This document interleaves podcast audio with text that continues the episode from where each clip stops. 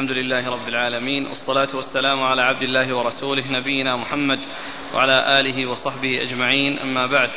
قال الإمام أبو داود السجستاني يرحمه الله تعالى كتاب الطب باب في الرجل يتداوى قال حدثنا حفص بن عمر النمري قال حدثنا شعبة عن زياد بن علاقة عن أسامة بن شريك رضي الله عنه أنه قال أتيت النبي صلى الله عليه وعلى آله وسلم وأصحابه كأنما على رؤوسهم الطير فسلمت ثم قعدت فجاء الأعراب من ها هنا وها هنا فقالوا يا رسول الله أنا تداوى؟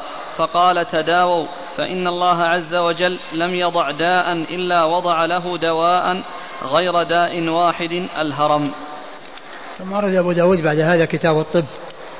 والطب هذا هو طب الأبدان. وطب الأبدان وطب القلوب. الطب طبان طب قلوب وطب أبدان. فطب القلوب هو بطاعة الله عز وجل والاستقامة على شرعه والالتزام بأمره ونهيه. هذا هو الذي فيه حياة القلوب وفيه سعادة الدنيا والآخرة. ولا علاج للقلوب ولا شفاء لها إلا بما جاء عن الله وعن رسوله صلى الله عليه وسلم. لأن حياتها وسلامتها إنما هي بذلك ويعني مرضها وشقاءها إنما يكون بخلاف ذلك.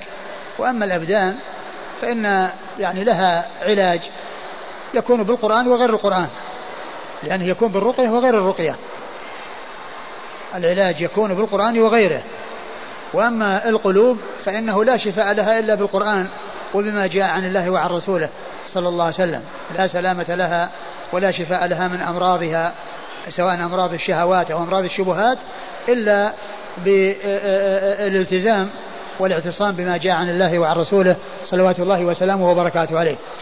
والطب الذي يذكره المحدثون إنما هو طب الأبدان وهو العلم الذي يعرف به علاج الأبدان. وقد أورد وقد أورد أبو داود هذا باب في الرجل يتداوى. وكلمة الرجل هذه جريا على الغالب أن الخطاب مع الرجال وإلا فإن الحكم للرجال والنساء المرأة كذلك أي الرجل والمرأة.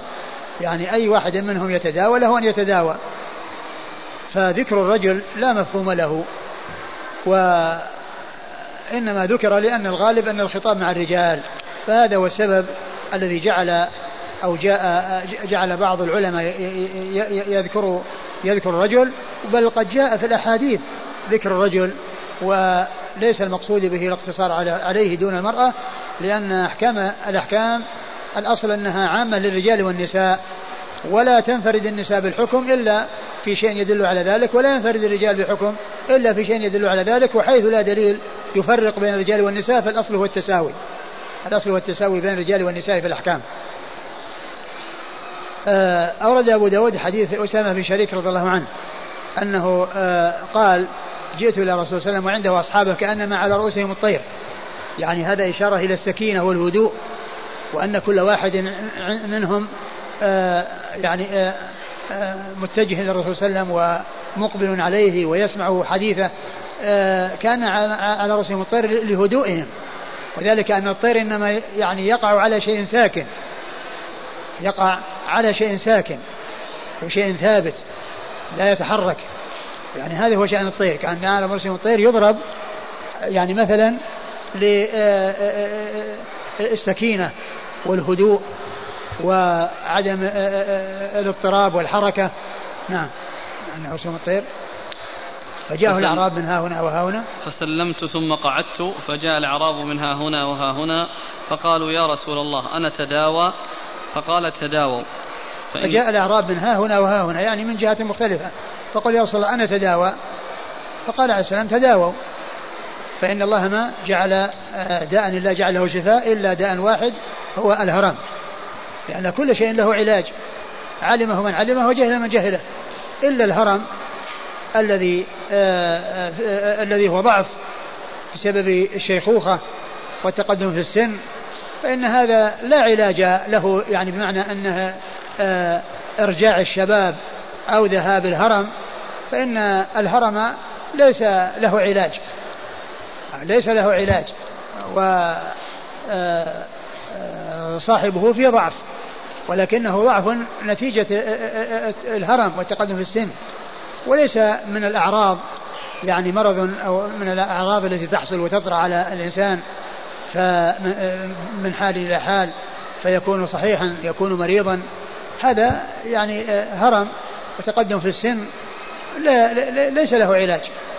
فقال له داء على اعتبار أنه يشارك يشارك المرض في الضعف ولكن الأمراض لها علاج وهذا لا علاج له. نعم. حكم التداوي؟ حكم التداوي مباح. التداوي مباح. نعم. قال حدثنا حفص بن عمر النمري. حفص بن عمر النمري ثقة أخرجه البخاري وأبو داود والنسائي. عن شعبة. شعبة بن الحجاج الواسطي ثم البصري ثقة أخرج له أصحاب الكتب الستة. عن زياد بن علاقة. زياد بن علاقة هو. ثقة أخرج له أصحاب الكتب. ثقة أخرجه أصحاب الكتب الستة. عن أسامة بن شريك. عن أسامة بن شريك رضي الله عنه وأخرج حديثه. أصحاب السنن. أصحاب السنن. حفص عن شعبة عن زياد عن أسامة. أربعة رباعي. هذا من على الأسانيد عند أبي داود. قال رحمه الله تعالى باب في الحمية. قال حدثنا هارون بن عبد الله قال حدثنا أبو داود وأبو عامر وهذا لفظ أبي عامر. عن فليح بن سليمان عن أيوب بن عبد الرحمن بن صعصعة الأنصاري عن يعقوب بن أبي يعقوب عن أم المنذر بنت قيس الأنصارية رضي الله عنها قالت دخل علي رسول الله صلى الله عليه وعلى آله وسلم ومعه علي رضي الله عنه وعلي ناقه ولنا دوالي معلقة فقام رسول الله صلى الله عليه وآله وسلم يأكل منها وقام علي ليأكل فطفق رسول الله صلى الله عليه وآله وسلم يقول لعلي مه إنك ناقه. حتى كف علي رضي الله عنه. قالت وصنعت شعيرا وسلقا. فجئت به. فقال رسول الله صلى الله عليه وآله, وآله صلى الله عليه وآله وسلم يا علي أصب من هذا فهو أنفع لك. قال أبو داود. قال هارون العدوية. ثم رد أبو داود آه، هذه الترجمة باب في الحمية. والحمية هي الامتناع عن بعض المأكولات. يعني بسبب مرض من الأمراض قد تكون هذه المأكولات تؤثر فيه. وهو يحتمي يعني من شيء ويأكل شيئا. يحتمي من شيء قد يعود عليه بالمضرة ويأكل شيئا لا يعود عليه بالمضرة هذه الحمية. وأورد أبو داود حديث آه، من هي؟ أم المنذر بنت أم المنذر بنت قيس. الليثية وقيل العدوية. الأنصارية. الأنصارية وأحد الرواة قال العدوية.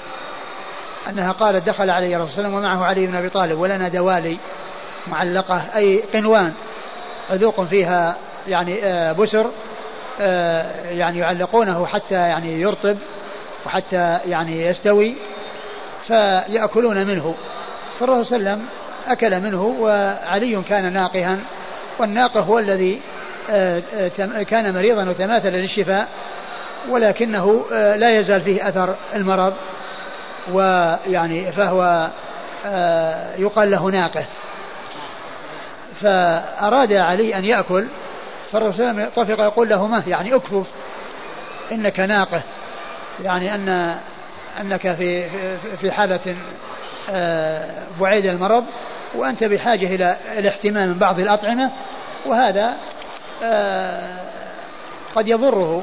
فالرسول صلى الله عليه وسلم أرشده إلى أن يكف فكف علي عن التناول وصنعت لهم شعيرا وسلقا والسلق هو نبات يعني يطبخ ويؤكل فأكل منه النبي صلى الله عليه وسلم وقال لعلي أصب من هذا فإنه أنفع لك. نعم. فإنه أنفع لك. يعني هذا يعني لا يضره. وذاك يعني آه، يحتمي منه بمعنى أنه يمتنع من أكله قد يكون في ذلك أثر أو آه، آه، ضرر عليه. فهذا فيه الاستدلاء على الحمية لأن الرسول صلى الله عليه وسلم قال له اكفف ما يعني لا تأكل من هذا الطعام مع أن الرسول أكل وهو من الطيبات. ولكن الأطعمة التي تؤثر على المريض أو على المحتمي فإن أنه يتجنبها. ويأكل مما حل الله عز وجل سواها مما لا يعود عليه بالمضرة. نعم. قال حدثنا هارون بن عبد الله. هارون بن عبد الله الحمال البغدادي ثقة أخرج له مسلم وأصحاب السنن. عن أبي داود. عن أبي داود سليمان بن داود أبو داود أبو داود الطيالسي ثقة أخرجه البخاري تعليقا ومسلم وأصحاب السنن. وأبي عامر. وأبي عامر العقدي وهو عبد الملك بن عمرو وهو ثقة أخرجه أصحاب الكتب. ثقة. ثقة أخرجه أصحاب الكتب الستة. وهذا لفظ أبي عامر. وهذا لفظ أبي عامر يعني الشيخ الثاني أي شيخ شيخه. أحد آه، شيخي شيخه وهو الثاني. عن وقد ساقه على لفظه. ولهذا قال في الآخر وقال هارون العدوية اللي هو اللي هو الأول الذي ما ساق لفظه. لأن هذا قال الأنصارية وهذا قال العدوية. فبين الفرق بينهما في نسبة الصحابية. نعم. لكن في الأخير قال قال هارون. هارون؟ إيه؟ هنا قال هارون. إيه؟ والشيخ الأول. هو واحد. وهارون لا يروي. لا هو قال عن هو عنه فلان. قال حدثنا هارون بن عبد الله. قال حدثنا أبو داود وأبو عامر. هذا اثنين. ولا ساقها لفظ أبي عامر اللي هو شيخ أحد شيخ أبي داود. يعني هما شيخان. لأبي داود شيخان لشيخ أبي داود. إيه. ثم قال وقال هارون العدوي. هارون أليس يروي عنهما؟ يروي عن أبي داود ويروي عن أبي عامر؟ إيه نعم صح هو هو تلميذ أبي داود نعم. أقول يروي يروي عنهما. لكنه يعني آه كأنه نعم كأنه يعني ساقه آه على لفظ آه عبد الملك بن عمرو. ويعني ذاك يعني كأنه يعني ضع المعنى الأول الذي هو من هو؟ النسخة الثانية أوضح يا شيخ. إيش؟ النسخة؟ لا الشيخ الثاني الأول من هو؟ اللي قبل. هارون عبد الله يروي عن أبي داود وأبي عامر. آه أبو داود نعم. نعم لكن النسخة الثانية لعلها أوضح يا شيخ. وش يقول؟ قال أبو داود وقال أبو داود العدوي. أي لا شك أن هذا أوضح. يعني هنا قال هارون يعني من رواية أبي داود. من رواية عن أبي داود لأنه ساقه على لفظ عبد الملك بن عمرو. ساقه على لفظ عبد الملك بن عمرو. فهنا قال هارون قال أبو داود أوضح وقوله قول هارون لا يتنافى معه يعني في رواية الشخص الشخص الثاني الذي ما ساقه على لفظه. نعم.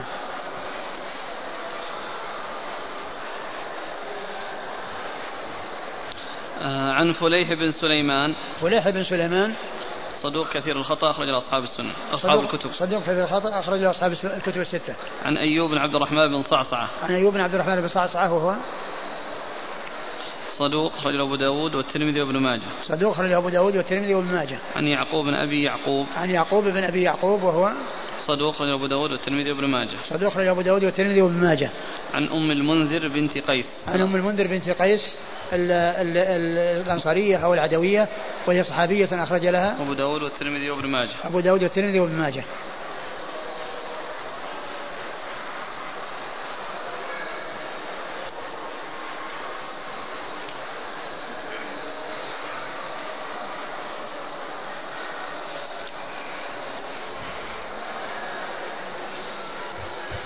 قال رحمه الله تعالى باب في الحجامة. قال حدثنا موسى بن إسماعيل قال حدثنا حماد عن محمد بن عمرو عن أبي سلمة عن أبي هريرة رضي الله عنه أن رسول الله صلى الله عليه وآله وسلم قال إن كان في شيء مما تداويتم به خير فالحجامة. ورد أبو داود باب في الحجامة أي التداوي بها. والحجامة استخراج الدم عن طريق المحاجم. وذلك بإخراج الدم الفاسد. وقد أورد أبو داود حديث أبي هريرة أن النبي صلى الله عليه وسلم قال إن كان في ما تداون به خير فالحجامة. وهذا فيه بيان أن الحجامة آه، أنها مفيدة وأنها من أنفع ما يتداوى به. قد جاء في الحديث أن أن الشفاء يعني يكون في ثلاث يعني في مذقة عسل وشطة محجم وكية نار. نعم قال حدثنا موسى بن إسماعيل موسى بن إسماعيل التبوذكي ثقة أخرج له أصحاب كتب الستة. عن حماد عن حماد بن سلمة ثقة أخرجه البخاري تعليقا ومسلم وأصحاب السنن. عن محمد بن عمرو محمد بن عمرو بن علقمة وقاص الليثي صدوق أخرج له أصحاب كتب الستة. عن أبي سلمة عن أبي سلمة بن عبد الرحمن بن عوف ثقة أخرج له أصحاب كتب الستة. عن أبي هريرة وقد مر ذكره.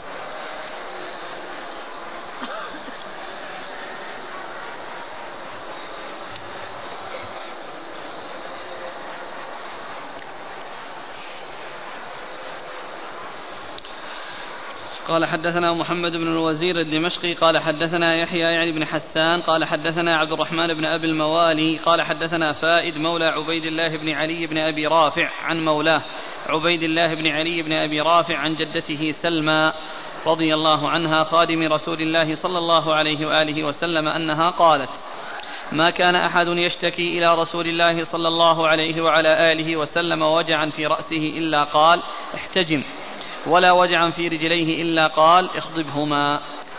ثم ورد أبو داود آه، حديث سلمى خادم رسول الله صلى الله عليه وسلم أن النبي صلى الله عليه وسلم ما كان يأتي أحد يشتكي وجعا في رأسه إلا قال احتجم ولا أحد يشتكي رجليه إلا قال اخضبهما. يعني يخضبهما أي آه، يعني آه، يخضبهما بالحناء يخضبهما بالحناء. وهذا فيه دليل على الحجامة وعلى استعمال الحجامة. وعلى يعني فائدتها. وهذا كما هو معلوم إنما هو في الغالب. يعني ليس كل دواء آه، يكون آه، وجعا في الرأس يكون آه، دواءه الحجامة. وليس كل وجع في الرجلين يكون دواؤه. ولكن يعني هذا يدل على أن فيه شفاء وأن فيه فائدة. لكن لا يلزم أن يكون كل داء أو كل يعني شيء أو مرض في الرجلين يكون علاجه الحنة أو الخضاب ولا آه، كل وجع في الرأس يكون علاجه الحجامة. نعم. قال حدثنا محمد بن الوزير الدمشقي. محمد بن الوزير الدمشقي ثقة أخرجه أبو داود. نعم. ثقة أخرجه أبو داود. عن يحيى يعني بن حسان. يحيى بن حسان. ثقة أخرج أصحاب الكتب إلا ابن ماجه. ثقة أخرج أصحاب الكتب الستة إلا ابن ماجه. عن عبد الرحمن بن أبي الموالي. عبد الرحمن بن أبي الموالي وهو صدوق ربما أخطأ أخرجه البخاري وأصحاب السنن. صدوق ربما أخطأ أخرجه البخاري وأصحاب السنن. عن فائد مولى عبيد الله بن علي. فائد مولى عبيد الله وهو صدوق أخرجه أبو داود والترمذي وابن ماجه. صدوق أخرجه أبو داود والترمذي وابن ماجه. عن مولاه عبيد الله بن مولاه علي. عبيد الله.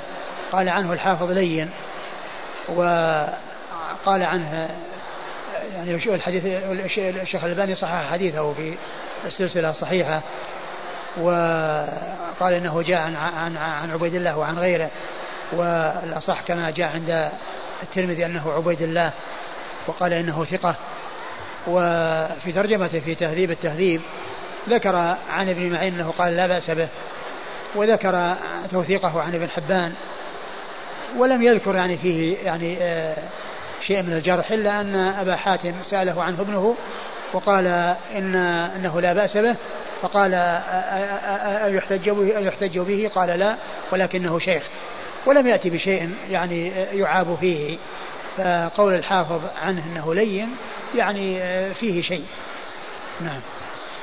أخرج له أبو داود والترمذي وابن ماجه. أخرج له أبو داود والترمذي وابن ماجه. عن جدته سلمى. عن جدته سلمى وحديثها أخرجه أبو داود والترمذي وابن ماجه. أبو داود والترمذي وابن ماجه. أحسن الله إليك تقول صح الألباني في السلسلة. اي نعم السلسلة صحيحة. تذكرون لنا. والله ما أدري أظن هو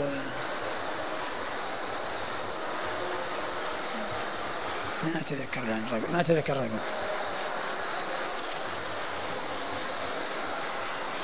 كدري هو 824 كذا ما ما ما ما أجزم. نعم.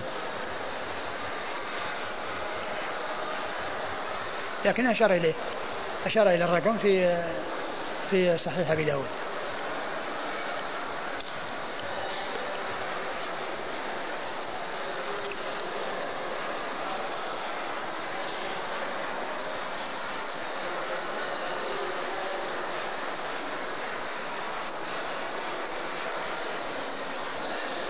هنا في العون ينقل يقول قال ابن معين لا بأس به وقال أبو يحيى الرازي لا يحتج بحديثه.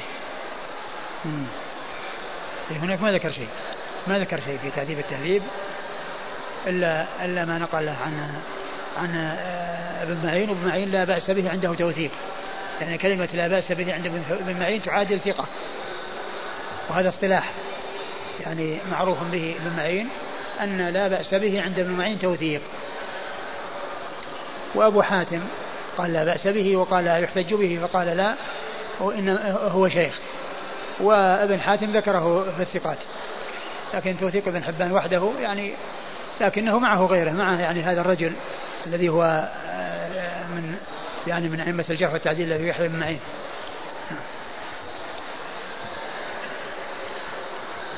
قال رحمه الله تعالى باب في موضع الحجامة.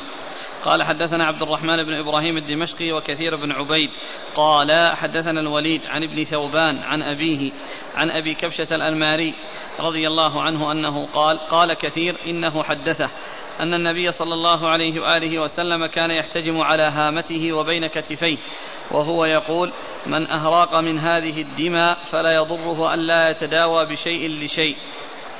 ثم ورد أبو داود حديث أبي كبشة باب في موضع الحجامة. باب في موضع الحجامة يعني المكان الذي تكون فيه الحجامة يعني توضع فيه المحاجم والذي آه، آه، يحجم فيه أي المكان الذي يحجم فيه.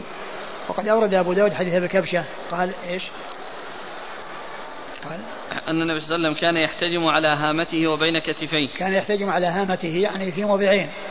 على هامته يعني في آه، مقد على رأسه وعلى كتفيه وبين كتفيه. يعني بين كتفيه من من, الخلف آه، يعني في يعني جاء أنه يحتجم في هذين الموضعين. وليس معنى ذلك أنه يحتجم فيهما معا. يعني معنى ذلك أنه يحتجم هنا وهنا وقد يحتجم بالهامة وحدها وقد يحتجم بين كتفين فقط. يعني ليس معنى ذلك أنه يجمع بين ذلك ولكنه يحجم حيث يحجم في هذه الأماكن. نعم.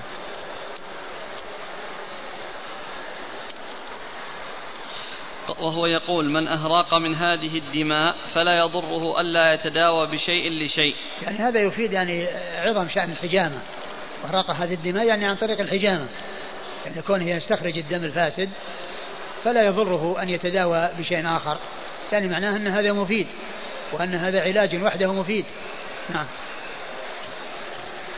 نعم. الهامة مقدم الرأس. نعم. أو على الرأس. أعلى الرأس. قال حدثنا عبد الرحمن بن إبراهيم عبد الدمشقي. عبد الرحمن إبراهيم الدمشقي هو الملقب دحيم وهو ثقة أخرج له. البخاري وأبو داود والنسائي بن ماجه. البخاري وأبو داود والنسائي بن ماجه. وكثير بن عبيد. كثير بن عبيد هو ثقة أخرج أبو داود والنسائي بن ماجه. ثقة اخرجه أبو داود والنسائي بن ماجه. عن الوليد. الوليد بن مسلم الدمشقي وهو ثقة اخرجه أصحاب كتب الستة. عن ابن ثوبان. عبد الرحمن بن يزيد عبد الرحمن بن ثابت بن ثوبان وهو صدوق يخطئ صدوق يخطئ أخرج له البخاري في المفرد وأصحاب السنن. البخاري في المفرد وأصحاب السنن. عن أبي عن أبي ثابت بن ثوبان وهو ثقة أخرج البخاري في الأدب المفرد وأبو داود والترمذي وابن ماجه. ثقة أخرجه أبو داود البخاري في الأدب المفرد وأبو داود والترمذي وابن ماجه. عن أبي كبشة الأنماري. عن أبي كبشة الأنماري. ثقة الصحابي أخرج أبو داود الصحابي أخرج له. أبو داود والترمذي وابن ماجه. أبو داود والترمذي وابن ماجه. قال حدثنا مسلم بن إبراهيم قال حدثنا جرير يعني ابن حازم قال حدثنا قتادة عن أنس رضي الله عنه أن النبي صلى الله عليه وآله وسلم احتجم ثلاثا في الأخدعين والكاهل. قال معمر احتجمت فذهب عقلي حتى كنت ألقن فاتحة الكتاب في صلاتي وكان احتجم على هامته. أعد. قال. عن أنس رضي الله عنه أن النبي صلى الله عليه وسلم احتجم ثلاثا في الأخدعين والكاهل.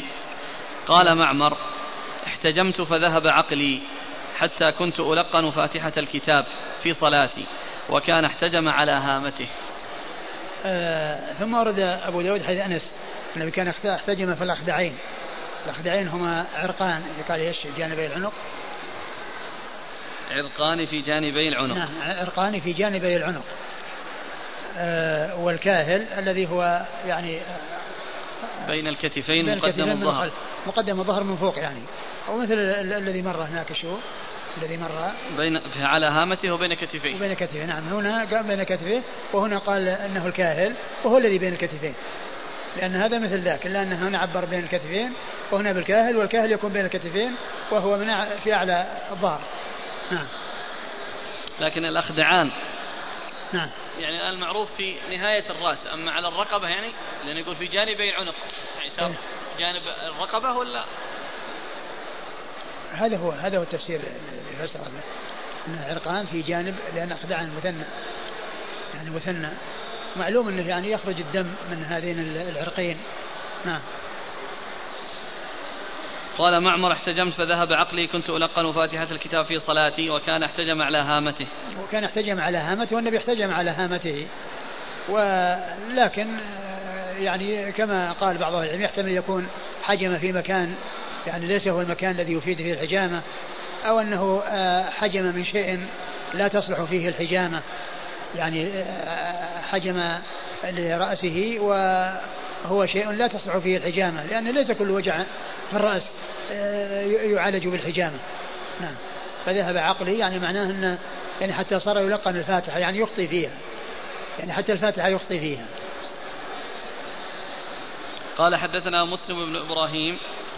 مسلم بن إبراهيم ثقة.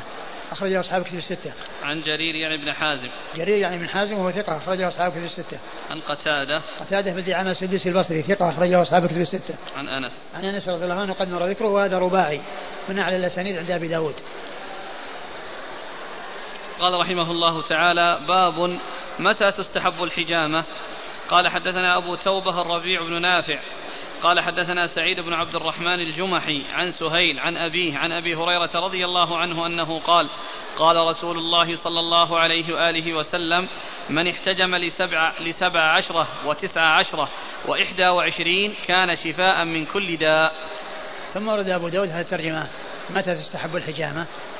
نعم. يعني أي الأوقات التي يعني ينبغي الإنسان يحتجم بها أو الأيام. فأورد حديث أبي هريرة. أبي هريرة أن النبي قال من احتجم لسبع عشرة نعم. وتسع عشرة وإحدى وعشرين كان شفاء من كل داء. من كل داء كان شفاء من كل داء. يعني معناه أنه مفيد في هذه الأيام التي هي سبعة عشر وتسعة عشر وإحدى وعشرين. نعم. قال حدثنا أبو توبة الربيع بن نافع. أبو توبة وجاء من فعله أيضا. أيضا جاء من فعله أنه كان يحتجم في هذه في سبعة عشر وتسعة عشر وإحدى وعشرين. يعني جاء من قوله وفعله. أبو توبة الربيع بن نافع ثقة أخرج له أصحاب كتب الستة إلا إلا الترمذي. إلا الترمذي. عن سعيد بن عبد الرحمن الجمحي. سعيد بن عبد الرحمن الجمحي هو صدوق له أوهام أخرج البخاري في خلق أفعال العباد ومسلم وأبو داود والنسائي بن ماجه. صدوق له أوهام أخرج حديث البخاري في خلق أفعال العباد و مسلم. ومسلم وأبو داود والنسائي وابن ماجه. وابن ماجه. عن سهيل بن أبي صالح عن أبيه عن أبي هريرة وقد مر ذكر الثلاثة قال حدثنا موسى بن إسماعيل قال أخبرني أبو بكره بكار بن عبد العزيز قال أخبرتني عمتي كبشة بنت أبي بكره وقال غير موسى كيسة بنت أب بنت أبي بكره أن أباها رضي الله عنه كان ينهى أهله عن الحجامة يوم الثلاثاء ويزعم عن رسول الله صلى الله عليه وآله وسلم أن يوم الثلاثاء يوم الدم وفيه ساعة لا يرقى. ثم ورد أبو داود حديث أبي بكره أنه كان ينهى اهله عن الحجامه يوم الثلاثاء وقال إن ويزعم أن النبي صلى الله عليه وسلم قال إنه يوم الدم وفيه ساعة لا يرقى الدم فيها يعني لا ينقطع يعني لا يمسك من النزيف. آه والحديث ضعيف غير ثابت لأن فيه آه هذه المرأة التي هي آه كيسة آه لا تعرف. نعم. قال حدثنا موسى بن إسماعيل عن أبي بكرة بكار بن عبد العزيز. بكار بن عبد العزيز هو؟ صدوق يهم أخرج البخاري تعليقا. صدوق يهم أخرجه البخاري تعليقا؟ وأبو داود والترمذي وابن ماجه. وأبو داود والترمذي وابن ماجه. عن عمته كبشة بنت أبي بكرة وقال غير موسى كيسة بنت أبي بكرة. وهي لا تعرف أخرج لها. لا يعرف حالها أخرج له أبو داود. لا يعرف حالها يعني مستورة يعني مجهولة الحال أخرج لها أبو داود.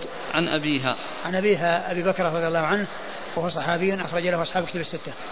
قال حدثنا مسلم بن إبراهيم قال حدثنا هشام عن أبي الزبير عن جابر رضي الله عنه أن رسول الله صلى الله عليه وآله وسلم احتجم على وركه من وثء كان به. آه ثم ورد أبو داود حديث جابر أن النبي احتجم على وركه وهذا موضع آخر غير الكاهل والأخدعين والهامة على وركه يعني ف آه، من من من, إيش؟ وثء من وثء كان به. نعم. من وثء قيل إنه آه، مرض ليس في العظم وإنما هو دون العظم في اللحم الذي دون العظم. نعم. قال حدثنا مسلم إبراهيم عن هشام.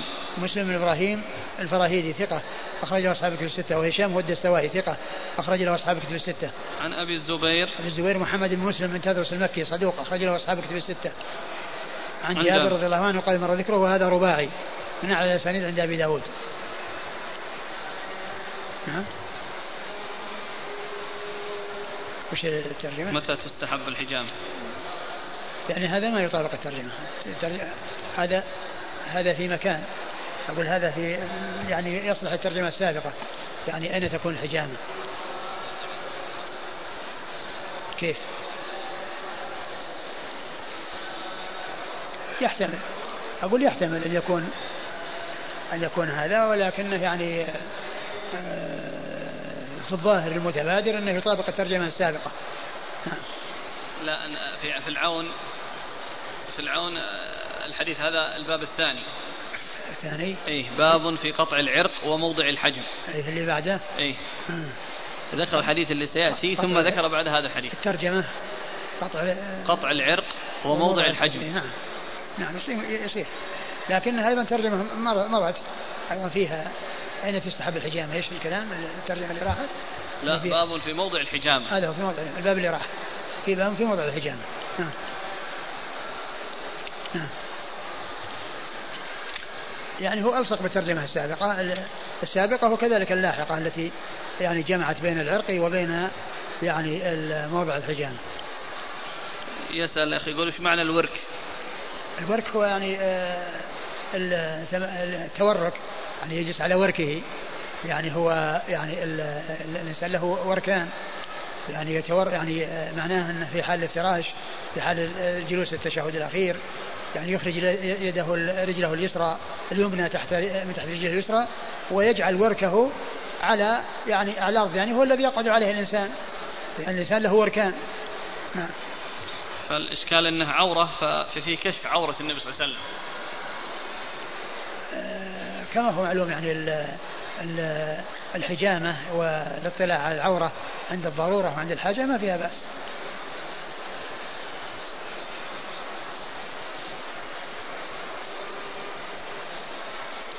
قال رحمه الله تعالى باب في قطع العرق وموضع الحجم. قال حدثنا محمد بن سليمان الأنباري قال حدثنا أبو معاوية عن الأعمش عن أبي سفيان عن جابر رضي الله عنه أنه قال بعث النبي صلى الله عليه وآله وسلم إلى أبي طبيبا فقطع منه عرقا. ثم ورد أبو داود باب في قطع العرق يعني في العلاج. وقد أورد أبو داود يعني حديث جابر. نعم. النبي صلى الله عليه وسلم يعني أرسل إلى أبي أبي بن كعب طبيبا فقطع منه عرقا. يعني وهذا محل الشاهد يعني كونه قطع منه عرقا أي للعلاج. نعم. قال حدثنا محمد بن سليمان الأنباري. محمد بن سليمان الأنباري ثقة أخرجه أبو داود. صدوق. صدوق أخرجه أبو داود. عن أبي معاوية. أبو معاوية محمد بن خازم الضرير الكوفي ثقة أخرج له أصحاب كتب الستة. عن الأعمش. الأعمش سليمان بن مهران الكاهلي ثقة أخرج له أصحاب كتب الستة. عن أبي سفيان. عن أبي سفيان. وهو طلحة بن نافع صدوق أخرج له أصحاب طلحة بن نافع صدوق أخرج له أصحاب الكتب. أصحاب الكتب الستة. عن جابر. عن جابر بن عبد الله وقد مر ذكره. قال رحمه الله تعالى باب في الكي والله تعالى أعلم وصلى الله وسلم وبارك على عبده ورسوله نبينا محمد وعلى آله وأصحابه أجمعين. جزاكم الله خيرا وبارك الله فيكم ونفعنا الله بما قلتم. يقول السائل هل الاحتجام في سبعة عشر يكفي؟ أم لا بد من الاحتجام في سبعة عشر وتسعة عشر وواحد وعشرين؟ لا يكفي. هو لازم يكون في الأيام كلها. يحتجم ثلاث مرات في أيام متوالية يصل بينها يوم واحد؟ يعني ما في هذا أو في هذا أو في هذا. هل يصح أن يقال أن حكم التداوي واجب لفعل النبي صلى الله عليه وسلم ولأمره؟ لا ليس بواجب. والأمر لا يدل على الوجوب لأنه جاء ما يدل على الصبر حيث قال يعني في السبعين ألف الذين يدخلون الجنة بغير حساب ولا عذاب أنهم لا يسترقون. نعم يقول ورد أيام النهي عن كل الأيام إلا الاثنين والخميس كما في السلسلة الصحيحة. فكيف يفعل إذا وافق هذه الأيام سبعة عشر أو تسعة عشر أو واحد وعشرين؟ ولم يكن فيها الاثنين والخميس. أنا ما أدري عن صحة الكلام الذي ذكرها أن أنا في جميع الأيام إلا الاثنين والخميس. أنا ما أدري عن صحته. لكن آه، آه، يعني النهي كما هو معلوم لا يدل على التحريم. أقول لا يدل على التحريم. حديث سلمى خادم النبي يعني هذا إذا صح. هذا الكلام الذي ذكر إحنا ما ما نسلم به ما ندري هل هو صحيح أو غير صحيح. لأن أحيانا تكون الأخبار يعني يعني ليست صحيحة. أحسن الله إليك. حديث سلمى. الأخ يقول إنه الشيخ الألباني ذكر في الصحيحة 2059 اللي هو؟ اللي هو اشتكى وجعا في رأسه قال احتجم.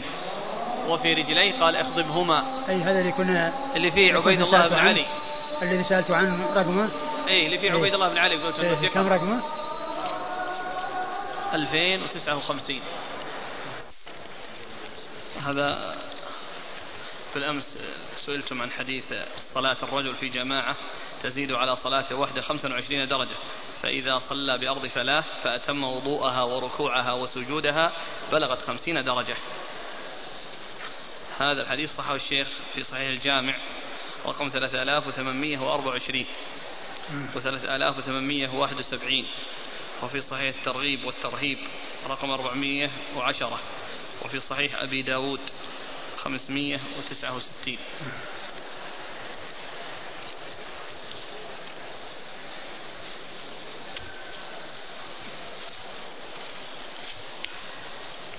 امرأة معتدة عدة وفاة تقول هل يجوز لي أن أصعد إلى سطح المنزل؟ إيش المانع؟ أقول لا أقول لا مانع تصعد. تصعد تنزل كما تشاء.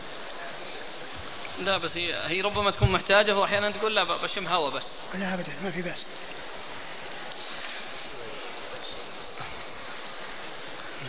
قال يقول امرأة ترى طهرين.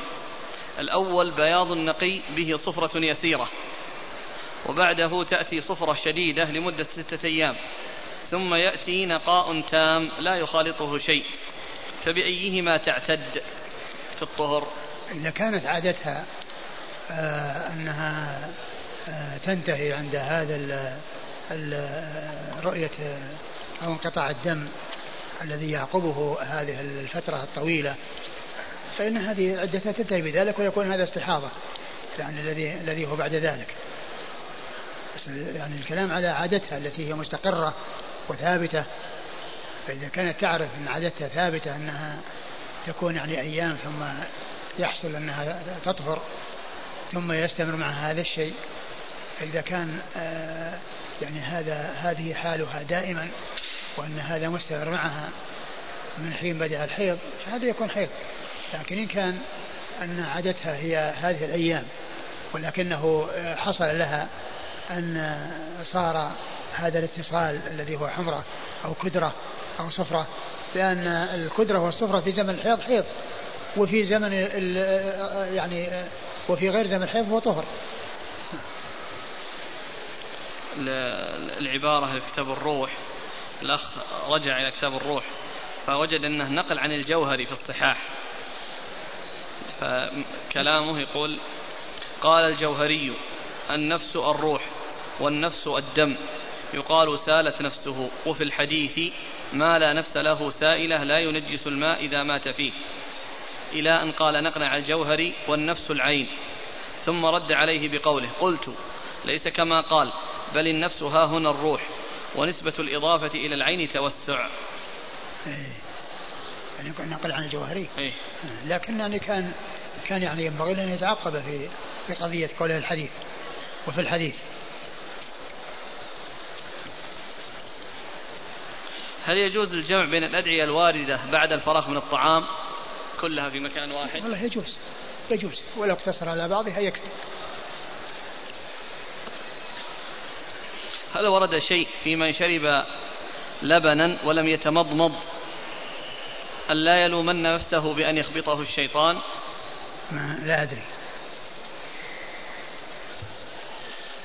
جاءت زيادة فإن الشيطان حساس لحاس. هذا فين؟ في, في زيادة من نام في يده غمر. فأصابه شيء فلا يلومن إلا نفسه. زادت عند الترمذي بيان العلة وهي أن الشيطان قال حساس لحاس. فما صحة هذه الزيادة؟ ما أدري. كيف نوجه فعل بعض السلف أنهم كانوا يمسحون دسومة الطعام التي كانت بأيديهم على أجسامهم؟ ما أدري عن صحة الكلام هذا. أقول صحة هذه النسبة ما أدري عن عن صحتها. بأن كونهم يمسحون على أجسامهم المشكلة لا تزال قائمة. بل تكون أوسع وأكثر. فلما تكون في مكان واحد صارت في عدة أماكن والمح والمحذور في عدم غسل اليد يصير أيضا محذورا في آه، عدم غسل اليد وفي كونه يعني على الجسم أيضا.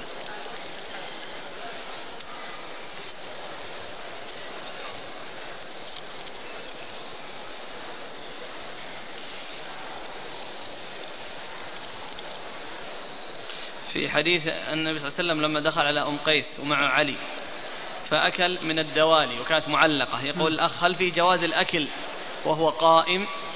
ما يدل هذا على أنه كان قائما يحتمل أن يكون قائم ويحتمل يكون معلق وهم يأخذونه وهم جالسين يعني ما في شيء يفيد ما يفيد ما في شيء يفيد القيام لأنه محتمل هذا محتمل هذا. أقول هذا محتمل وهذا محتمل لأن التعليق يمكن أن يكون الإنسان يتناول منه وهو قائم ويمكن يكون معلقا ويتناول الإنسان منه وهو جالس.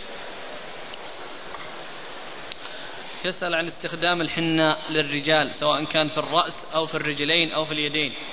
خاصة أن في بعض نعم إيش؟ في بعض البلدان تعورف عليه وأصبح ليس من خصائص النساء بل حتى الرجال يستخدمونه خاصة في ليلة العرس. لا ما يصلح. الرجال يتجملون بالحنة. التجمل بالحنة من خصائص النساء.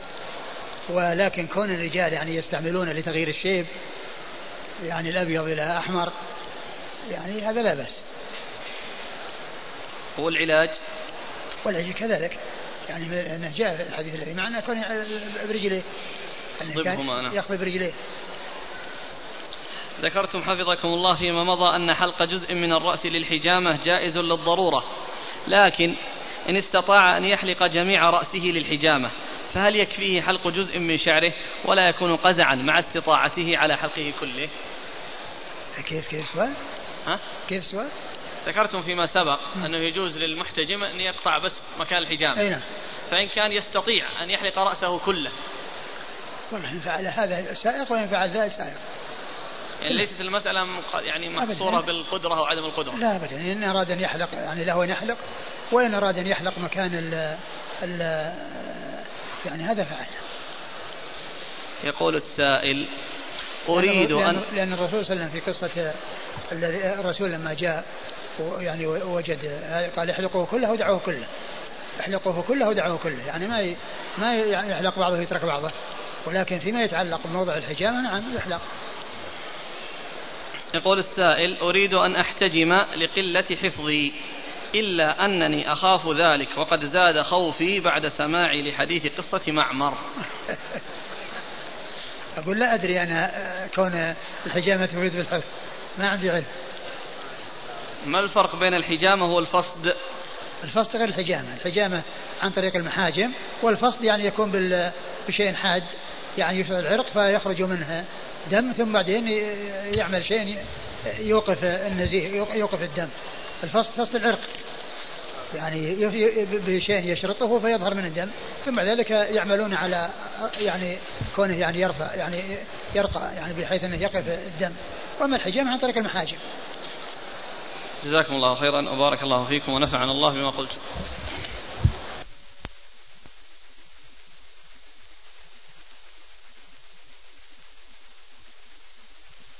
بسم الله الرحمن الرحيم. الحمد لله رب العالمين. والصلاة والسلام على عبد الله ورسوله نبينا محمد وعلى آله وصحبه أجمعين. أما بعد قال الإمام أبو داود السجستاني يرحمه الله تعالى باب في الكي. قال حدثنا موسى بن إسماعيل قال حدثنا حماد عن ثابت عن مطرف عن عمران بن حسين رضي الله عنهما أنه قال نهى النبي صلى الله عليه وعلى آله وسلم عن الكي فاكتوينا فما أفلحنا ولا أنجحنا. قال أبو داود وكان يسمع تسليم الملائكة فلما اكتوى انقطع عنه فلما ترك رجع إليه. بسم الله الرحمن الرحيم الحمد لله رب العالمين وصلى الله وسلم وبارك على عبده ورسوله نبينا محمد وعلى آله وأصحابه أجمعين.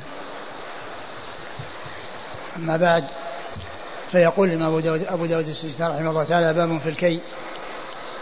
آه الكي علاج وهو الكي بالنار.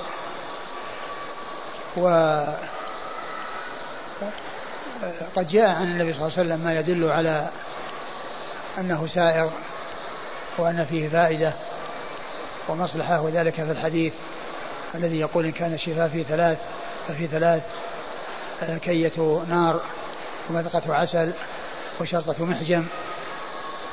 وجاء آه، أيضا ما يدل على أن تركه أولى كما جاء في قصة السبعين ألف الذين يدخلون الجنة بغير حساب ولا عذاب وكان من صفاتهم أنهم لا يكتوون ولا يتطيرون لا يسترقون ولا يكتوون ولا يتطيرون وعلى ربهم يتوكلون. ومعلوم أن الكي فيه تأثير في الجسم وتشويه له. وعند عند العوام وعند الناس يقولون آخر الطب الكي أي أنه يصار إليه عند الحاجة. وعندما لا ينفع غيره لأنه آه، فيه آه، حصول التألم بالنار وأيضا تشويه الجسم يعني من آثار ذلك. فإذا احتاج الإنسان إليه فقد جاء ما يدل عليه وإن استغنى عنه فهو خير له. وقد أورد أبو داود حديث عمران بن حسين رضي الله تعالى عنه أن أنه قال نهى رسول الله صلى الله عليه وسلم نهى رسول الله. نعم. نهى رسول الله صلى الله عليه وسلم عن الكي. فاكتوينا وما أفلحنا ولا أنجحنا. وما أفلحنا ولا أنجحنا. قوله هنا نهى رسول الله صلى الله عليه وسلم عن الكي. آه وقد جاء ما يدل على جوازه فيكون النهي يراد به التنزيه وأنه خلاف الأولى وأن الأولى الاستغناء عنه إذا أمكن. وإذا لم يستغنى عنه فإنه سائر. وقد جاءت الأحاديث الدالة على جوازه وعلى أنه سائغ وما جاء في هذا الحديث يحمل على يعني كراهة التنزيه وعلى أنه للتنزيه وليس للتحريم. ويحتمل وقد قال عمران فما أفلحنا وما وما أنجحنا. ولعل ذلك أنه استعمله على وجه لا يصلح فيه الكي. فحصل منه الضرر وعدم الفائدة.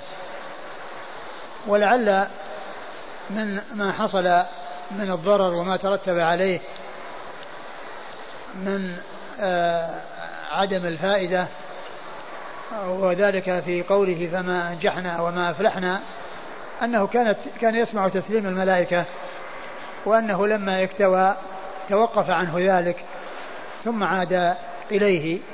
وقد أشار إليه أبو داود أنه كان يسمع تسليم الملائكة وقد أتى به بعد قوله فما أنجحنا وما أفلحنا وأن هذا من الآثار التي ترتبت على على هذا الكي. و نعم. قال حدثنا موسى بن إسماعيل.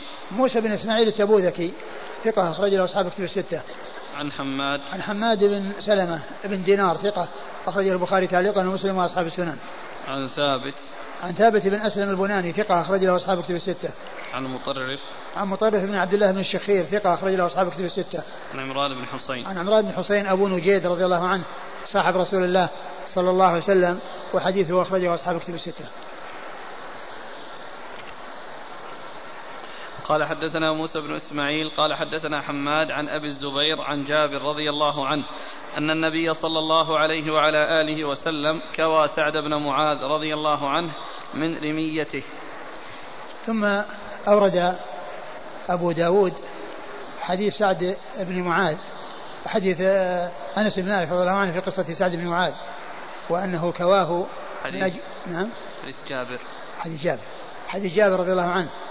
أن أن النبي صلى الله عليه وسلم كوى سعد بن معاذ يعني من من من من رميته أي الرمية التي حصلت له يعني في يوم الخندق والذي حصل له أنه كان يعني جعل له خيمة يعني في المسجد يعوده فيعني كواه فدل هذا على مشروعية الكي وقوله كواه يحتمل أن يكون فعله بنفسه وأن يكون أمر به أمر بأن يكوى. لأنه محتمل أن يكون باشر وأن يكون لم يباشر. وهذا يدل على أن الحجامة أن أن الكي سائغ وأنه لا بأس به عند الحاجة إليه. وقيل إن أن أن أن, أن هذا الكي من أجل إيقاف الدم وحسم الدم يعني حتى لا يعني ينزف. وهذا من من من الأسباب أو من الوسائل التي بها يوقف الدم. نعم.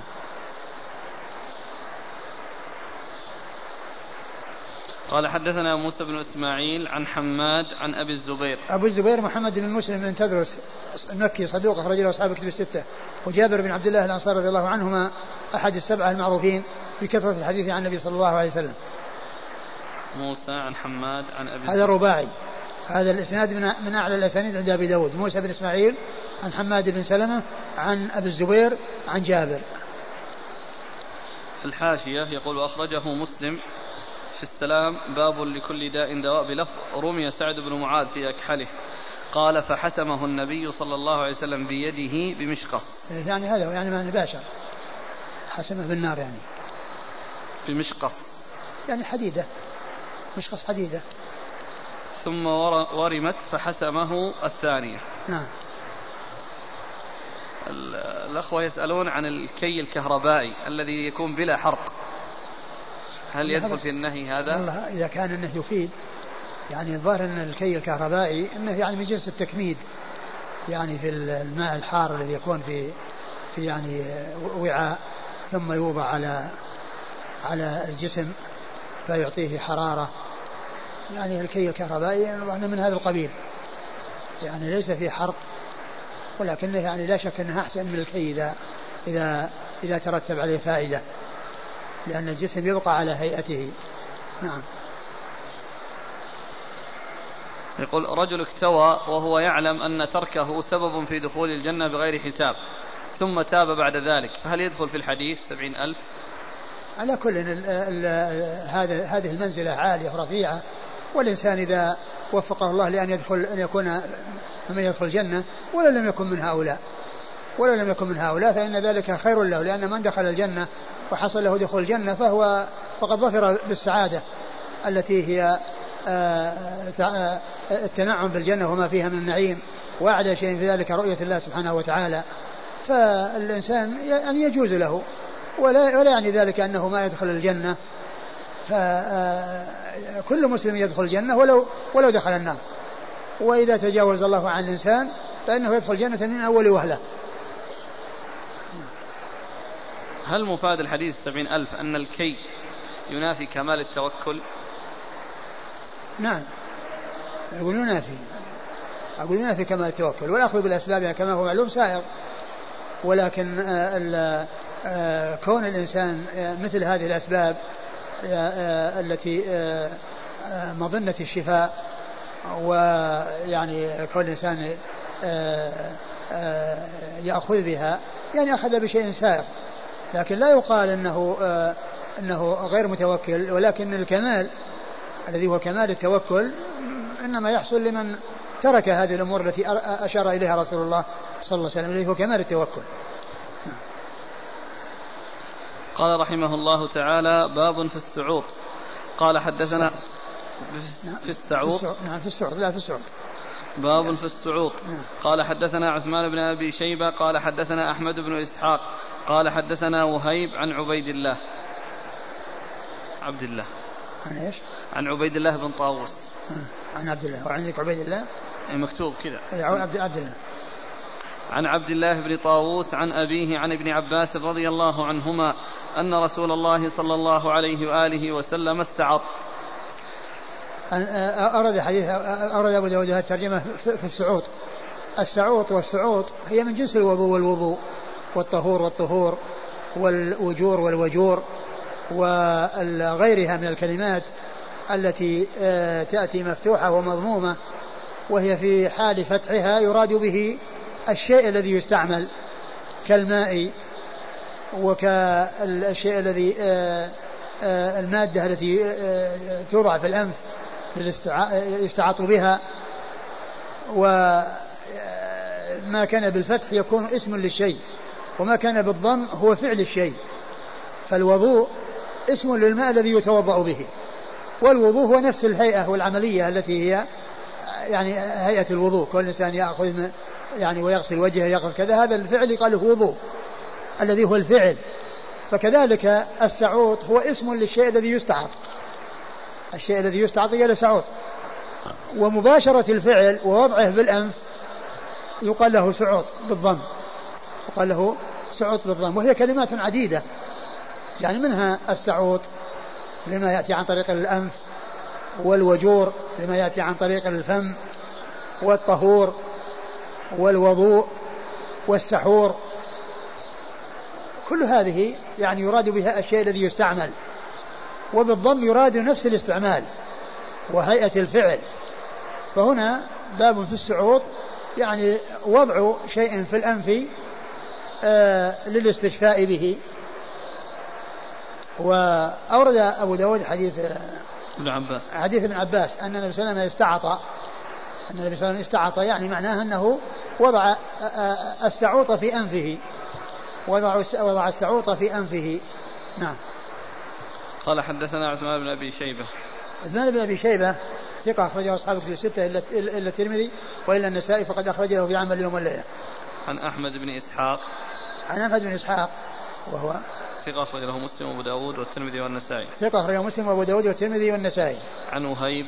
عن وهيب بن خالد ثقة أخرج له أصحاب كتب الستة. عن عبد الله بن طاووس. عن عبد الله بن طاووس ثقة أخرج له أصحاب كتب الستة. عن أبيه. عن أبيه طاووس بن كيسان ثقة أخرج له أصحاب كتب الستة.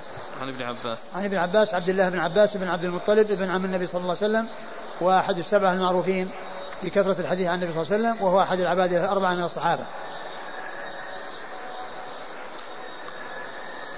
قال حدثنا ب... قال رحمه الله تعالى باب في النشرة. قال حدثنا أحمد بن حنبل قال حدثنا عبد الرزاق قال حدثنا عقيل بن معقل. قال سمعت وهب بن منبه يحدث عن جابر بن عبد الله رضي الله عنهما أنه قال سئل رسول الله صلى الله عليه وعلى آله وسلم عن النشرة فقال هو من عمل الشيطان. ثم ورد أبو داود باب في النشرة. والنشرة هي حل السحر عن البسحور وإذا كانت بطرق غير شرعية يعني كحلها بالسحر أو برجوع إلى الكهان والمشعوذين فإن ذلك حرام وهو من عمل الشيطان. وأما إذا كان ذلك بالقرآن وبالأدعية المباحة وبالتعوذات فهذا هو السائر وعلى هذا فالنشرة آه، فيها تفصيل. إن كانت بالقرآن وبالتعوذات وبذكر الله عز وجل فإن ذلك سائغ ولا بأس به. وإن كان في أمور آه، يرجع فيها إلى السحرة والكهان وأشباههم فإن ذلك لا يسوغ وهو الذي قال عنه النبي صلى الله عليه وسلم إنه من عمل الشيطان. وقد أورد فيه حديث حديث جابر. حديث جابر رضي الله عنه سئل عن النشرة فقال إنها إنها من عمل الشيطان. ودل ذلك على تحريمها أي آآ آآ كونها يؤتى بها أو يبحث عنها عن طريق المشعوذين والعرافين والكهان والسحرة فإن ذلك من عمل الشيطان لأن هذا العمل الذي يقومون يقومون به إنما يتأتى لهم إنما يتأتى لهم باستخدام الشياطين أي شياطين الجن. نعم. قال حدثنا أحمد بن حنبل أحمد بن حنبل أحمد بن محمد بن حنبل الشيباني الإمام المحدث آه، أخرج حديثه أصحاب كتب الستة. عن عبد الرزاق. عبد الرزاق بن همام الصنعاني اليماني ثقة أخرج له أصحاب كتب الستة. عن عقيل بن معقل. عن عقيل بن معقل وهو صدوق أخرجه أبو داود. صدوق أخرجه أبو داود. عن وهب بن منبه. عن وهب بن منبه هو ثقة أخرجه أصحاب كتب الستة. إلا ابن ماجه في إلا ابن ماجه في التفسير. عن جابر بن عبد الله. عن جابر بن عبد الله مر ذكره. قال رحمه الله تعالى باب في الترياق. قال حدثنا عبيد الله بن عمر بن ميسرة قال حدثنا عبد الله بن يزيد قال حدثنا سعيد بن أبي أيوب قال حدثنا شرحبيل بن يزيد المعافري عن عبد الرحمن بن رافع التنوخي. قال سمعت عبد الله بن عمرو رضي الله عنهما يقول سمعت رسول الله صلى الله عليه وعلى آله وسلم يقول ما أبالي ما أتيت إن أنا شربت ترياقا أو تعلقت تميمة أو قلت الشعر من قبل نفسي قال أبو داود هذا كان للنبي صلى الله عليه وآله وسلم خاصة. وقد رخص فيه قوم يعني الترياق. ثم ورد أبو داود باب في الترياق. والترياق قيل إنه آه، آه، آه، يعني علاج علاج السم. إنه علاج السم. وعلاج السم بشيء مباح وبأشياء سائغه لا بأس به. وأما إذا كان في أمور محرمة وأمور غير سائغه فإنه لا يجوز. لا فيه ولا في غيره. يعني لا في هذا ولا في غيره من من الأدوية. إذا كان يشتمل على أمر محرم وعلى شيء يعني محرم فإنه غير سائغ. وإن كان آه، في شيء آه، لا محذور فيه ولا شبهة فيه فإنه لا بأس به كسائر العلاجات. لأن العلاجات مطلقة إذا كانت ليست محرمة وليست آه، في شيء محرم فإنها سائغة. وإذا لم تكن محرمة إما لكونها نجسة أو لكونها يعني ضارة أو يحصل من ورائها ضرر فإن العلاج بها في آه، السم وغيره كل ذلك سائغ ولا بأس به. وقد ورد أبو داود حديث عبد الله بن عمرو قال لا أبالي ما أبالي ما أتيت إن أنا شربت ترياقا أو تعلقت تميمة أو قلت الشعر من قبل نفسي. ما أبالي إن, أن أنا شربت ترياقا أو تعلقت تميمة أو قلت شعرا من قبل نفسي. والمقصود منه الجملة الأولى أنه آه، ما أبالي شربت ترياقا إيش؟ ما أبالي ما أتيت إن أنا شربت ترياقا. لا أبالي ما أتيت إن أتيت إن, إن أنا شربت ترياقا. يعني معناها أنه آه، الترياق وهذا الذي يشربه يعني يكون فيه آه، الفائدة وأنه لا يبالي ما أتى. ولكن الحديث كما هو واضح ضعيف لأن في إسناده رجل ضعيف وهو غير ثابت عن النبي صلى الله عليه وسلم. نعم.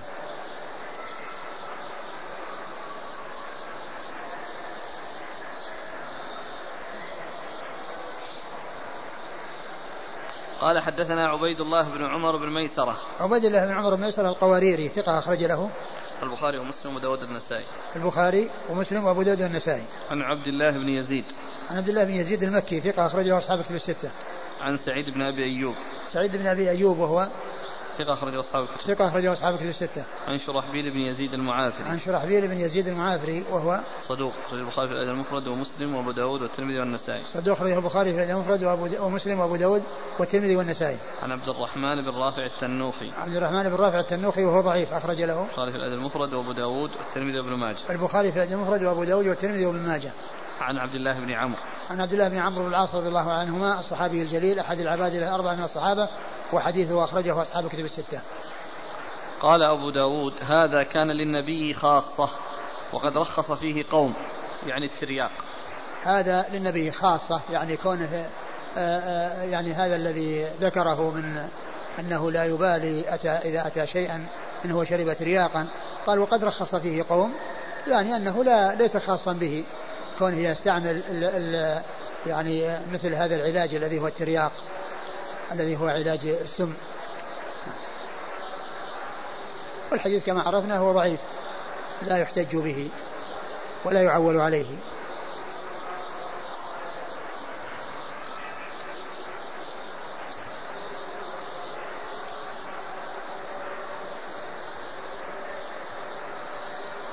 هنا يقول والترياق أنواع فإذا لم يكن فيه لحوم الأفاعي فلا بأس بتناوله هذا هو يعني معناه إذا كان في شيء محرم لا يجوز تناوله وإذا كان ليس خاليا من الأمور المحرمة فإنه لا بأس به. يعني كأنه كان لحوم الحية كأنه يعني كأنهم يعني يتخذون يعني هذا العلاج للسم أنه يكون من الحيات وأنه يعالج سمها سمها بشيء منها. نعم.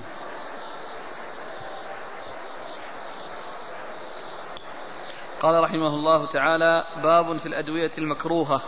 قال حدثنا هارون بن عبد الله قال حدثنا محمد بن بشر قال حدثنا يونس بن أبي إسحاق عن مجاهد عن أبي هريرة رضي الله عنه أنه قال نهى رسول الله صلى الله عليه وعلى آله وسلم عن الدواء الخبيث. ثم رد أبو داود باب النهي أو باب في الأدوية المكروهة. نعم. باب في الأدوية المكروهة.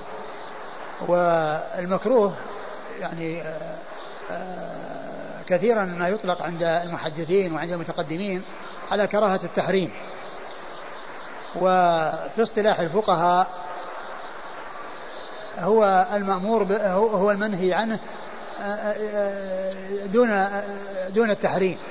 يعني ما أمر ما نهي عنه ولكنه ليس من قبيل المحرم. يعني هو يقابل المندوب في باب الأمر. الأمر المندوب هو المأمور به من غير جزم. وهذا هو الذي نهي عنه ولكنه ليس كنهي التحريم وإنما هو دونه والذي يطلقون عليه كراهة التنزيه. آه، أورد أبو داود عدة أحاديث في هذه الترجمة. أولها حديث أبي هريرة أن النبي صلى الله عليه وسلم نهى عن الدواء الخبيث. نهى عن الدواء الخبيث. والخبيث آه، يحتمل أن يكون عن طريق كونه نجسا وأن يكون ضارا. وأن يكون ضارا يعني يحتمل أن يكون من قبيل كونه نجس وأيضا أو يكون من قبيل ما هو ضار وأنه يترتب عليه ضرر يعني هذا استعمال ذلك الدواء فهذا هو الخبث الذي آه، وصف به الدواء إما لنجاسته أو لحصول الضرر آه، به. ولا شك أن ذلك هو من قبيل المحرم يعني النهي عنه يكون للتحريم. كون الإنسان يعني لا يجوز أن يستعمل ما هو ضار به ولا يجوز أن يستعمل شيئا نجسا قال حدثنا هارون بن عبد الله هارون بن عبد الله الحمال البغدادي ثقة أخرج له مسلم وأصحاب السنن عن محمد بن بشر محمد بن بشر ثقة أخرج له أصحاب الكتب الستة. عن يونس بن أبي إسحاق. يونس بن أبي إسحاق هو صدوق يهم قليلا أخرج صدوق يهم قليلا أخرج له. خرج القراءة ومسلم وأصحاب السنن. البخاري في القراءة ومسلم وأصحاب السنن. عن مجاهد. عن مجاهد بن جبر وهو ثقة أخرج له أصحاب الكتب الستة. عن أبي هريرة. عن أبي هريرة عبد الرحمن بن صخر الدوسي وهو أكثر أصحاب رسول الله صلى الله عليه وسلم ورضي الله عنه حديثا.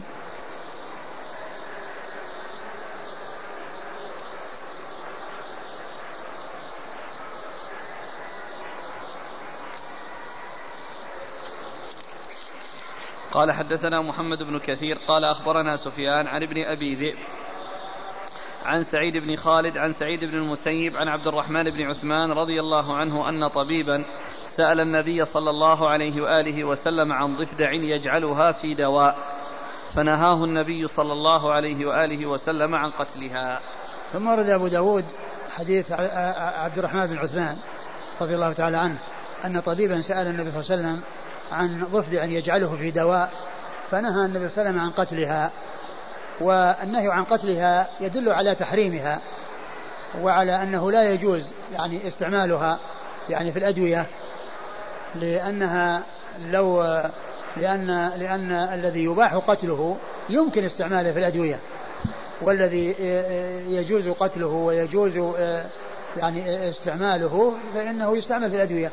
والذي لا يسوغ قتله لا يستعمل في الأدوية ولا يجوز أكله. وعلى وهذا يدل على أن الضفادع لا تؤكل. وهذا هو الذي ذكروه في الاستثناء من ما يعيش في البحر. وأن الضفادع أنها لا تؤكل للحديث الذي ورد فيها وهو هذا. وهو النبي نهى عن قتلها. إذ لو كانت مباحة الأكل لا لأذن بقتلها والاستفادة منها أكلا وتداويا. فلما نهى عن قتلها دل على أنها لا تقتل وأنه لا يتداوى بها. قال حدثنا محمد بن كثير. محمد بن كثير ثقة أخرج له أصحاب كتب الستة. عن سفيان. سفيان هو الثوري ثقة أخرج له أصحاب كتب الستة. عن ابن أبي ذئب. عن ابن أبي ذئب محمد بن عبد الرحمن بن المغيرة بن أبي ذئب ثقة أخرج له أصحاب كتب الستة. عن سعيد بن خالد. عن سعيد بن خالد وهو صدوق أبو داود والنسائي بن ماجه. صدوق أخرج أبو داود والنسائي بن ماجه. عن سعيد بن المسيب. عن سعيد بن المسيب وهو ثقة فقيه أحد فقهاء المدينة السبعة في عصر التابعين أخرج له أصحاب كتب الستة. عن عبد الرحمن بن عثمان. عن عبد الرحمن بن عثمان رضي الله عنه وحديثه أخرجه مسلم وأبو داود والنسائي. مسلم وأبو داود والنسائي.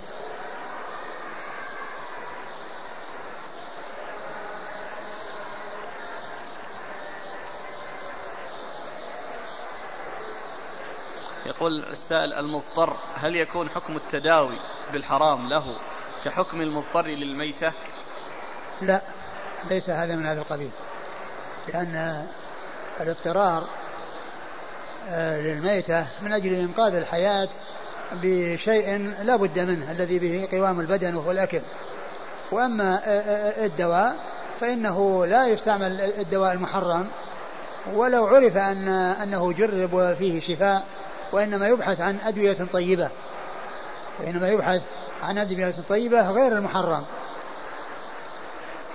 هذا يسأل عن قتل الضفدع أو التشريح تشريع الضفدع في المختبر. حتى تجرى عليها التجارب.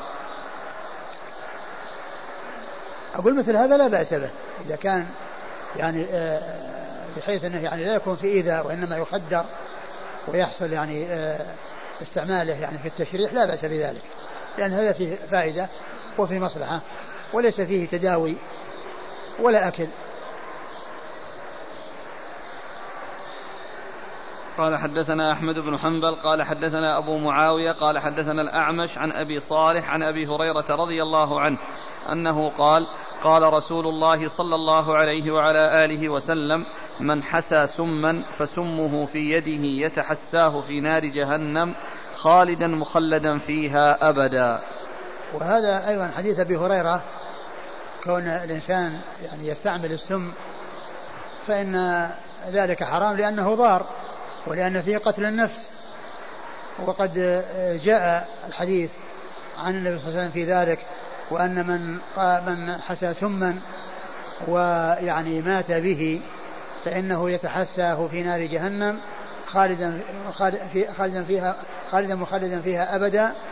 وهذا الخلود الأبدي نسبي ليس كخلود الكفار الذي ليس له نهاية وإنما هو خلود نسبي لأن كل من مات غير مشرك بالله عز وجل فأمره إلى الله. إن شاء عفى عنه ولم يعذبه وإن شاء تعذيبه فإنه يعذبه ويطهره ثم بعد ذلك يخرجه من النار ويدخله الجنة. ولا يبقى في النار أبد الآباد إلا الكفار الذين هم أهلها. فذكر آه، آه، آه، هذا التخليد في النار والدخول في النار وأنه يعذب بالشيء الذي قتل نفسه به في النار هذا الجزاء من جنس العمل. الجزاء من جنس العمل. فكما استعمل السم في الدنيا فإنه يعذب به بأنه يتحساه في نار جهنم ويكون على هذه الحال خالدا مخلدا أبدا أي خلودا نسبيا وليس خلودا مؤبدا. نعم.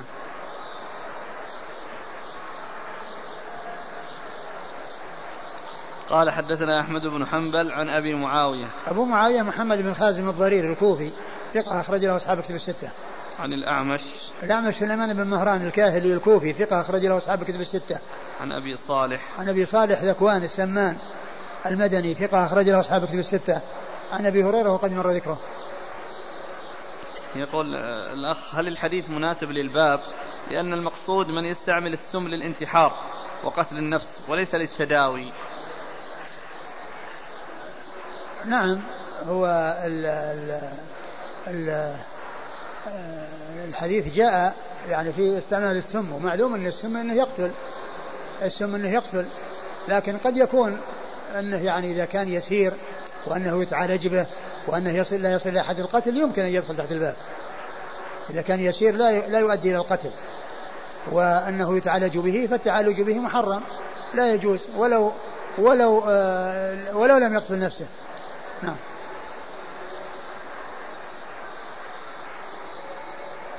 ما حكم ما الحكم إذا عرف أن بعض الأدوية تستخرج من بعض الحيوانات المحرمة الأكل؟ لا يجوز أن آه، الحديث أن الله لم يجعل شفاء أمتي فيما حرم عليها. وكذلك الحديث الذي مر بنا النهي عن قتل الضفدع ونهاه أن يجعله في الدواء.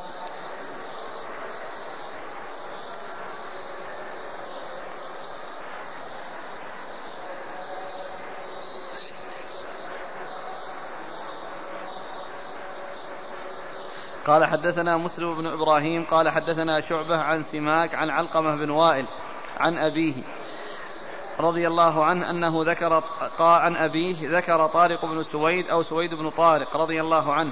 سأل النبي صلى الله عليه وآله وسلم عن الخمر فنهاه ثم سأله فنهاه فقال له يا نبي الله إنها دواء. قال النبي صلى الله عليه وآله وسلم لا ولكنها داء. ثم رد أبو داود حديث طارق بن سويد.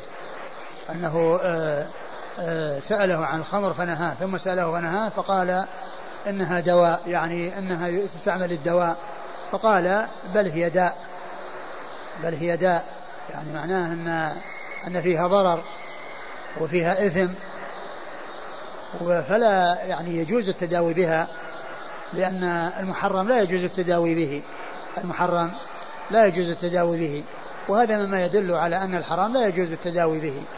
وإنما يبحث عن دواء طيب ودواء ليس بمحرم ولا ولا يجوز التداوي بشيء محرم نعم قال حدثنا مسلم بن إبراهيم مسلم بن إبراهيم الفراهيدي ثقة أخرج له أصحاب كتب الستة. عن شعبة شعبة بن الحجاج الواسطي ثم البصري ثقة أخرج له أصحاب كتب الستة. عن سماك سماك بن حرب صدوق أخرجه البخاري تعليقا ومسلم وأصحاب السنن. عن علقمة بن وائل علقمة بن وائل وهو ثقة أخرج له البخاري في علقة نعم.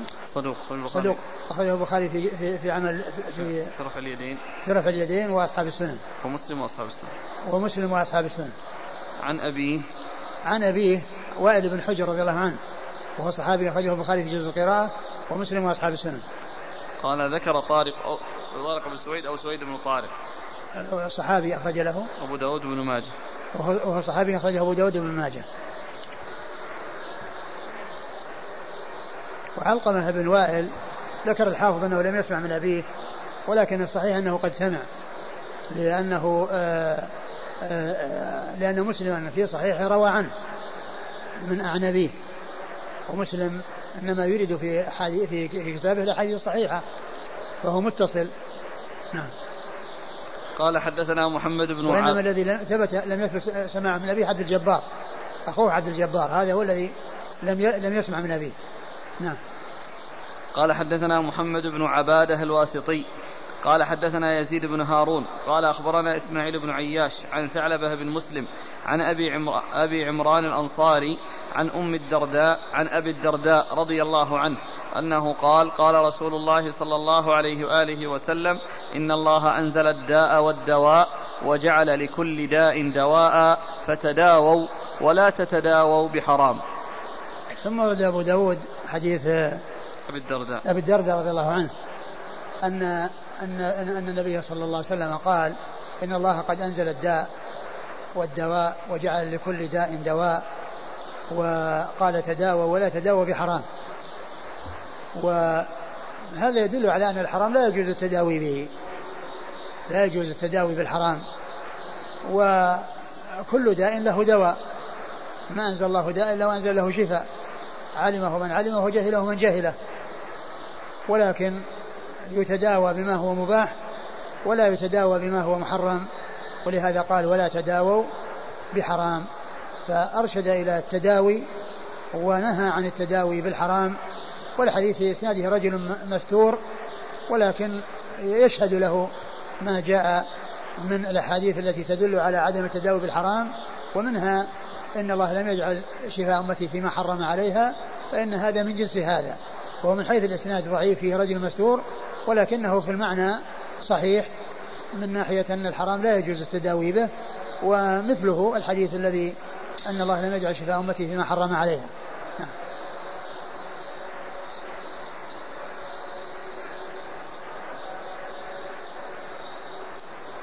قال حدثنا محمد بن عبادة الواسطي. محمد بن عبادة الواسطي هو؟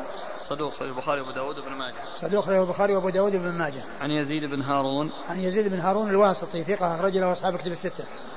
عن إسماعيل بن عياش. إسماعيل بن عياش وهو صدوق آه، في رواية عن الشاميين مخلط في غيرهم أخرج له البخاري في رفع اليدين وأصحاب السنن. البخاري في رفع اليدين وأصحاب السنن.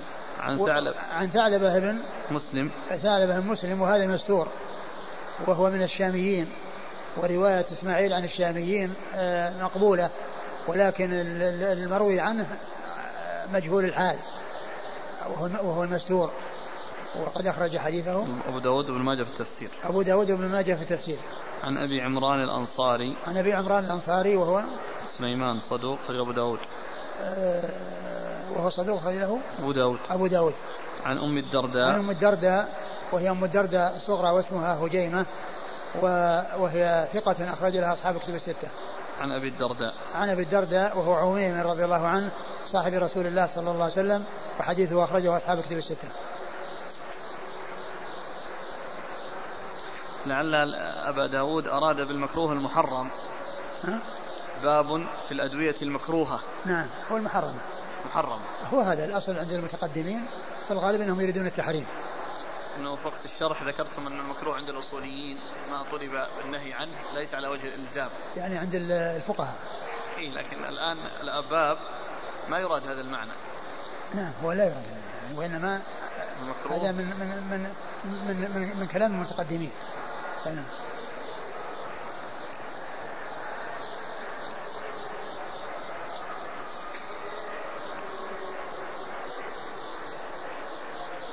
قال رحمه الله تعالى باب في تمرة العجوة.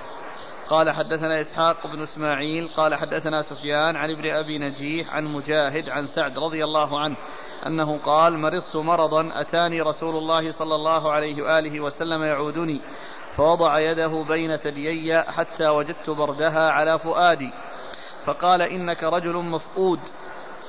ائت الحارث بن كلدة أخا ثقيف فإنه رجل يتطبب فليأخذ سبع تمرات من عجوة المدينة فليجأهن بنواهن ثم ليلدك بهن. ثم ورد أبو داود في باب في تمر العجوة. والعجوة نوع من تمر المدينة. والعجوة نوع من تمر المدينة. يعني جاء فيه يعني هذا الحديث الضعيف وجاء فيه يعني آه، شيء صح عن رسول الله صلى الله عليه وسلم. وهذا الحديث الذي أورده أبو داود عن سعد بن أبي وقاص في كونه مرض وأنه النبي صلى الله عليه وسلم جاءه يعوده وأنه وضع يده بين ثديه قال إنك مفؤود يعني يعني معناه أنه يعني مريض الفؤاد. وقال إن إن الحارث بن كلدة من ثقيف أنه يتطبب فال فال يأتي بسبع تمرات من عجوة. ويجعهن مع آه، نواهن أي يعني يخلطهن ويدقن ثم يلدك بهن. واللدود هو الذي يوضع في الفم. اللدود هو ما يوضع في الفم من جنس السعوط. ويقال له أيضا الوجور أيضا الوجور الوجور يعني ما يكون في الفم وكذلك اللدود. يعني آه، يلد به يعني يعني يوضع في أنفه في في فمه يوضع في فمه. ف يعني هذا الحديث غير ثابت لأن في فيه انقطاع يعني بين بين مجاهد وبين آه، سعد. وبين وبين سعد رضي الله عنه. نعم.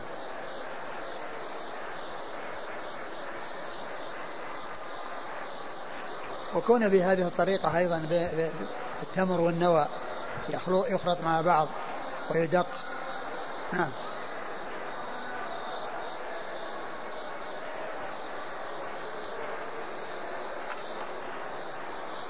يقول حد هنا إنك رجل مفقود. مفقود يعني مريض الفؤاد وجع الفؤاد. مثل مبطون يعني وجع البطن. مريض ومرؤوس وجع الرأس. قال حدثنا إسحاق بن إسماعيل. إسحاق بن إسماعيل هو؟ طالقاني ثقة أخرجه أبو داود. ثقة أخرجه أبو داود. عن سفيان عن ابن أبي نجيح. آه عن سفيان هو؟ ابن عيينة. سفيان بن عيينة ثقة أخرجه أصحاب كتب الستة. عن ابن أبي عن أبي نجيح وهو؟ عبد الله عبد الله. بن أبي نجيح ثقة أخرجه أصحاب وهو ثقة أخرجه له أصحاب كتب الستة. عن مجاهد. عن مجاهد بن جبر ثقة أخرجه أصحاب كتب الستة. عن سعد بن أبي وقاص رضي الله عنه أحد العشرة المبشرين بالجنة وحديثه أخرجه أصحاب كتب الستة.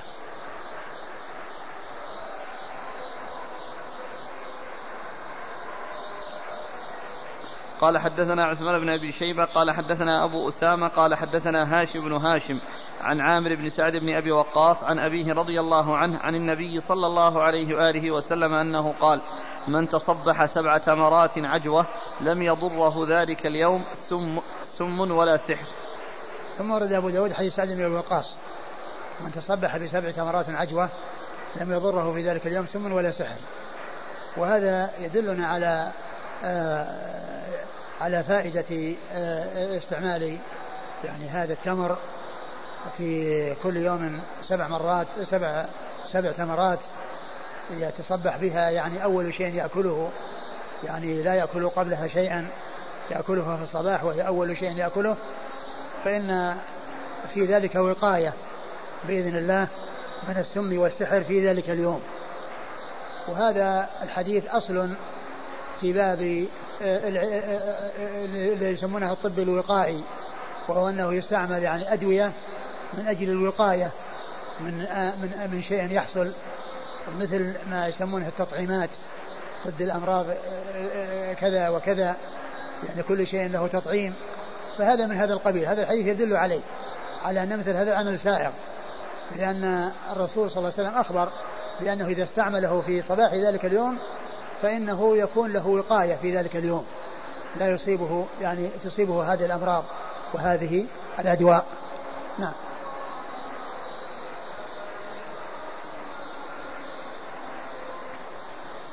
من تصبح سبع تمرات عجوة لم يضره ذلك اليوم سم ولا سحر. لم يضره. لم يضره ذلك اليوم سم ولا سحر. نعم. تخصيص بأنها عجوة المدينة. هو الحديث مطلق لكن العجوة معروف معلوم أنها في المدينة ومشهور أنها في المدينة وقد توجد في غير المدينة وقد توجد في غير المدينة ولكن لو استعملت آه، فلا بأس بذلك ولو وجدت في غير المدينة.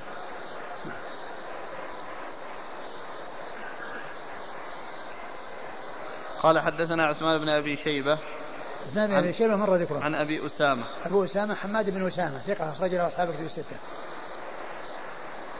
عن هاشم بن هاشم. هاشم بن هاشم ثقة أخرج له أصحاب الكتب. أصحاب الكتب الستة. عن عامر بن سعد. عن عامر بن سعد ثقة أخرج له أصحاب الكتب الستة. عن أبيه. عن أبيه سعد بن أبي وقاص وقد مر ذكره هذا صحيح عن الشيخ عبد العزيز الله يرحمه أن كل تمر المدينة عجوة. ما أدري هذا قوله لم يضره لم يضره ذلك اليوم سم ولا سحر يقول من قد حصل له شيء من ذلك مثلا مسحور فهل في استخدامه لهذا التمر فهل إيش؟ يعني من وقع فيه نعم. من وقع في السحر نعم. هنا لم يضره ذلك اليوم سم ولا سحر نعم. لكن شخص مسحور هل له أن يعمل بهذا أن يتصبح بسبع تمرات ويكون له هذا هذه الفائدة الحديث يعني دل على أنه يعني لا يصيب ذلك اليوم وهذا قد أصابه لأن هذا وقاية. وأما هذا ففيه سم السحر موجود من قبل.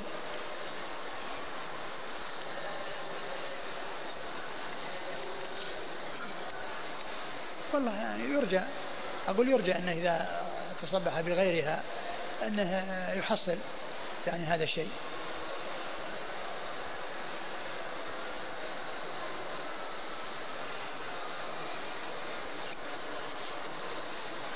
هذا ينقل ابن القيم يقول ذكر أن هذه العجوة تختص بالمدينة لعظم بركتها. نعم يعني كونها موجودة لكن لو وجدت أو نقلت من المدينة إلى مكان آخر وغرست فيه وحصل فإنه يقال لها عجوة. واستعمالها لا بأس واستعمالها لا بأس به كيف يا شيخ لو نقلت؟ نقلت إلى بلد آخر وغرست فيه واستعملها الإنسان يرجى أن يحصل هذا الذي جاء في الحديث